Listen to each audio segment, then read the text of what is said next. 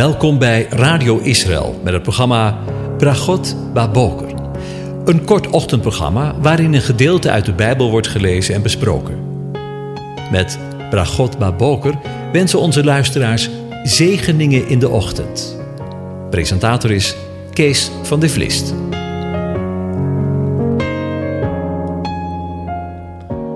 Goedemorgen, Bokatov, beste luisteraars. Vanmorgen denken we weer verder na over, of beter gezegd, naar aanleiding van Psalm 104, waar heel veel gesproken wordt over water. De afgelopen dagen hebben we ook daarover nagedacht, over het levende water. De eerste 13 versen lees ik aan u voor. Loof de Heere mijn ziel. Heere mijn God, u bent zeer groot. U bent met majesteit en glorie bekleed. Hij hult zich in het licht als in een mantel. Hij spant de hemel als een tentkleed.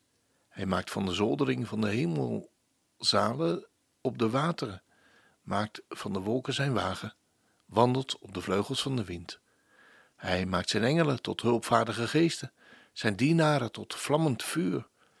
Hij heeft de aarde gegrondvest op zijn fundamenten, die zal voor eeuwig en altijd niet wankelen.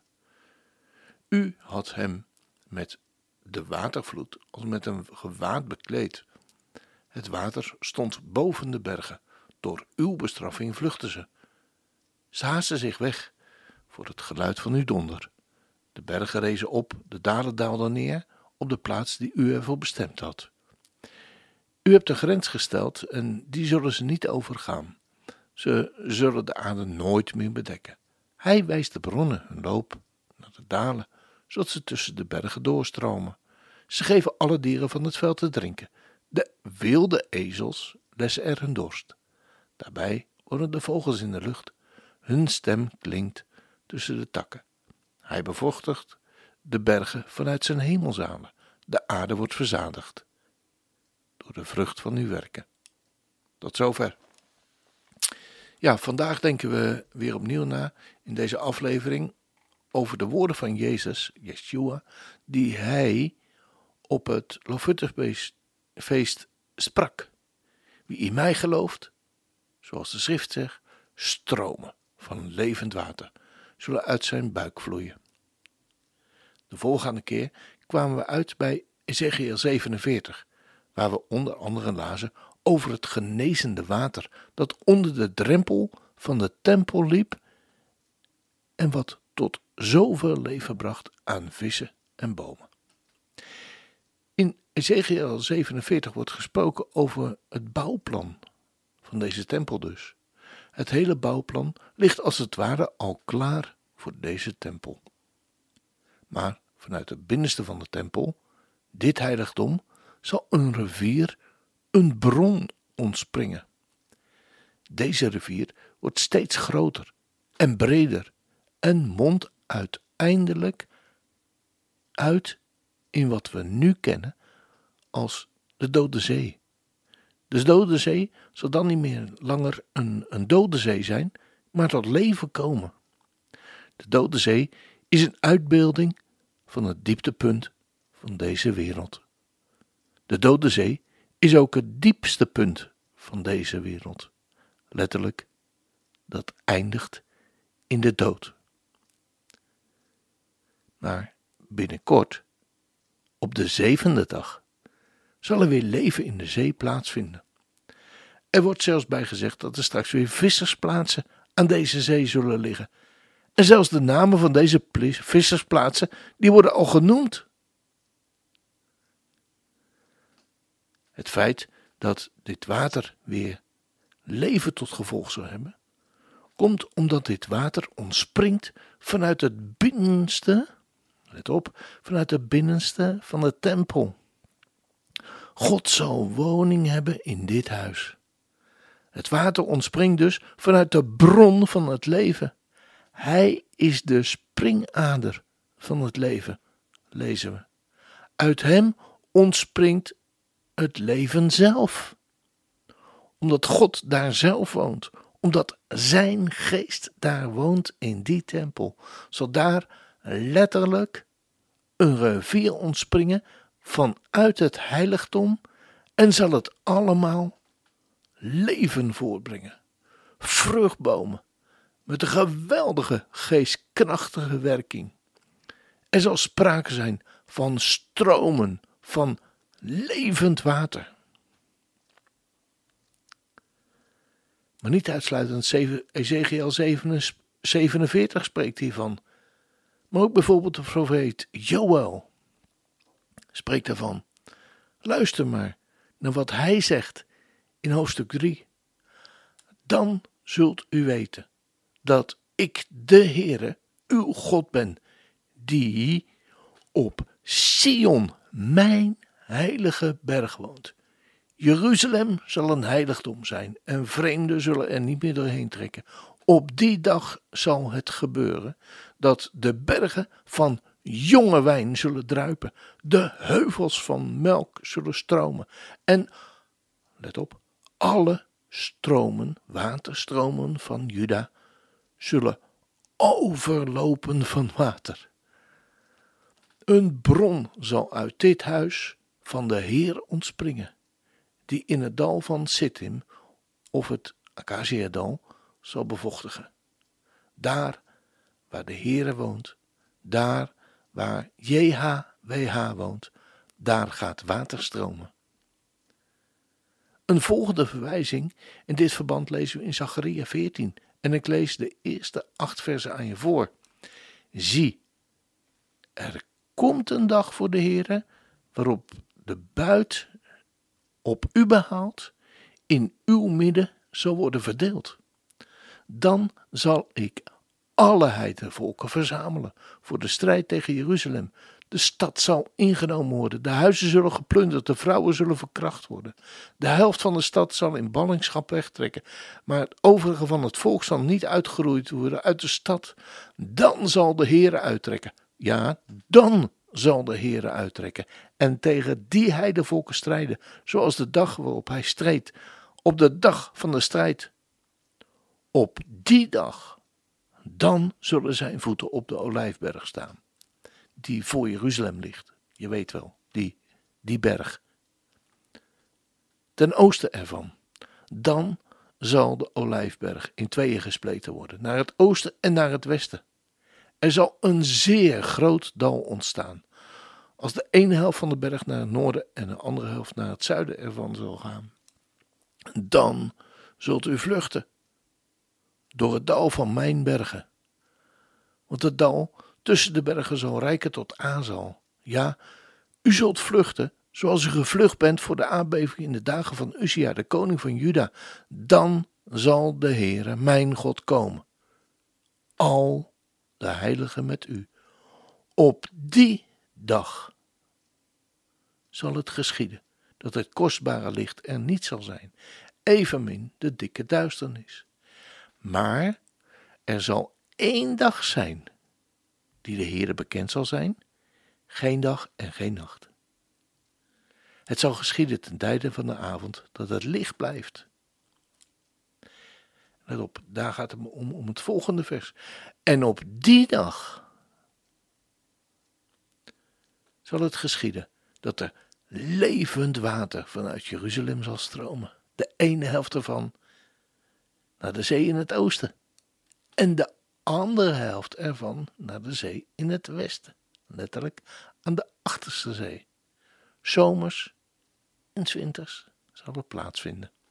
De Heere zal koning worden over, let op, heel de aarde. Op die dag zal de Heere de enige zijn en zijn naam de enige. Ja, in, in vers 8 lezen we dus niet alleen dat er sprake zal zijn van stromen van water, maar van levende wateren. Ziekte worden genezen, lazen we juist in Zacharia. En dat wat dood was, hartstikke dood was, de dode zee, komt tot leven. Er is dus niet alleen het is dus niet alleen levend water, maar het is zelfs levendmakend water. Het doet de dood totaal teniet. En verder lezen we van dit levend makende water. Dat de helft naar de oostelijke zee en de andere helft naar de zee in het westen stroomt.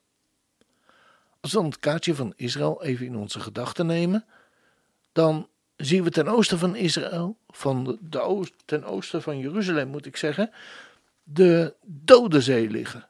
En in het westen, de achterzijde, bij wijze van spreken van het oosten, is het westen. Daar zien we dan de Middellandse Zee.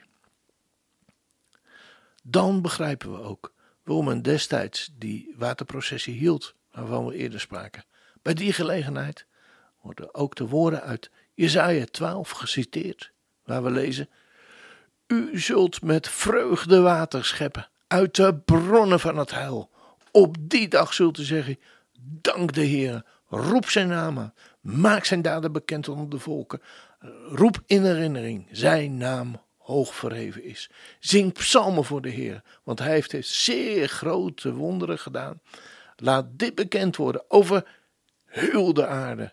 Juich en zing vrolijk, inwoonster van Sion, want groot in uw midden is de heilige van Israël. Tja, het gaat hier over concrete gebeurtenissen, die ook dan zullen plaatsvinden. Datgene wat we eerst zagen, het water scheppen uit Siloam, het brengen naar de tempel, ziet dus op datgene wat er staat te gebeuren. In Israël en wat wereld zijn, wereldwijd zijn beslag zal krijgen. Richting de Dode Zee en richting de Volkerenzee zal er sprake zijn van levendmakend water. Het zal daar naartoe stromen.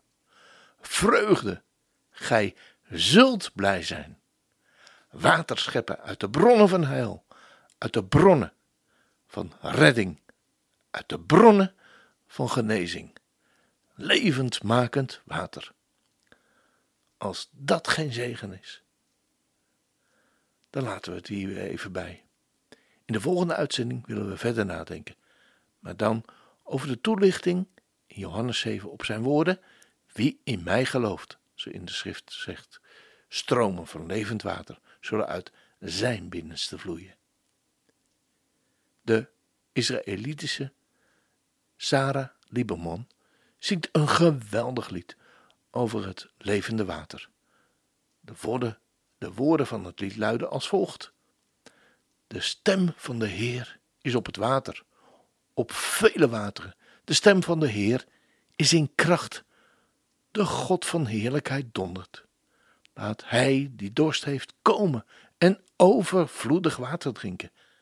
Laat hem die hoort komen en weet dat levend water vrijelijk wordt gegeven. Hoe kostbaar is uw genade, mijn God, zij die u vinden zullen, op u vertrouwen, Adonai. Fonteinen van water zullen voor ons worden geopend in de woestijn. Er is een rivier die van zijn troon stroomt. Wij zullen er ons in verheugen en blij zijn. We gaan naar luisteren.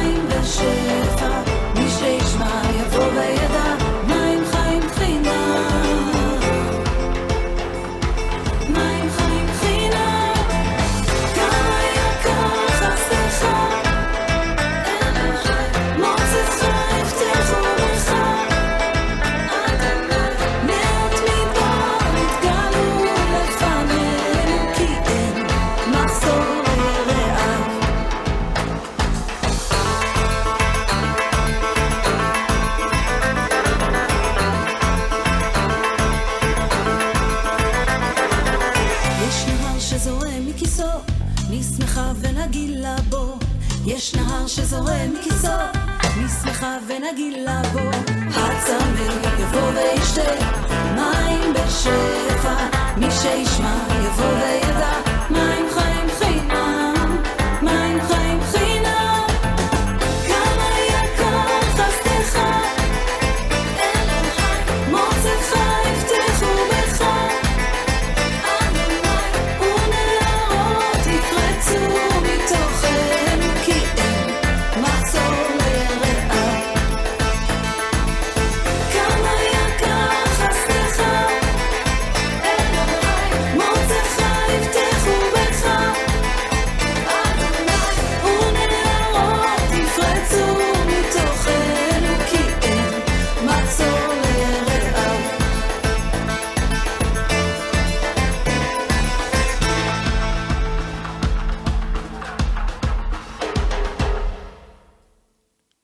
Ja, de vreugde en de blijdschap eh, spat als het ware van het lied af.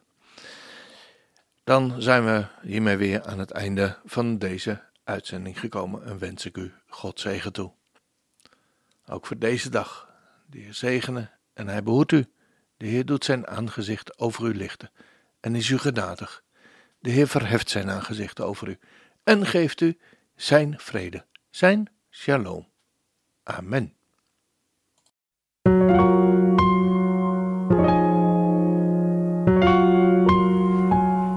U hebt geluisterd naar het programma Bragot Baboker. Een kort ochtendprogramma waarin een gedeelte uit de Bijbel wordt gelezen en besproken. Wilt u het programma nog eens naluisteren, dan kan dat. Ga naar radioisrael.nl en klik onder het kopje radio op Uitzending gemist.